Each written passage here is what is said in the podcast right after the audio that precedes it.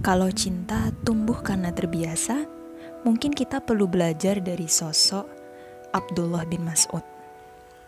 Sebagaimana posisi beliau yang patut diperhitungkan sebab beliau adalah sosok paling dekat dengan Rasulullah, beliau juga membacakan Al-Quran untuk Rasulullah.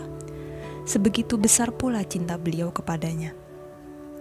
Bagaimana tidak? Interaksi yang terus-menerus terjadi membuat cinta itu kian tumbuh dan membuat akidahnya kian kuat.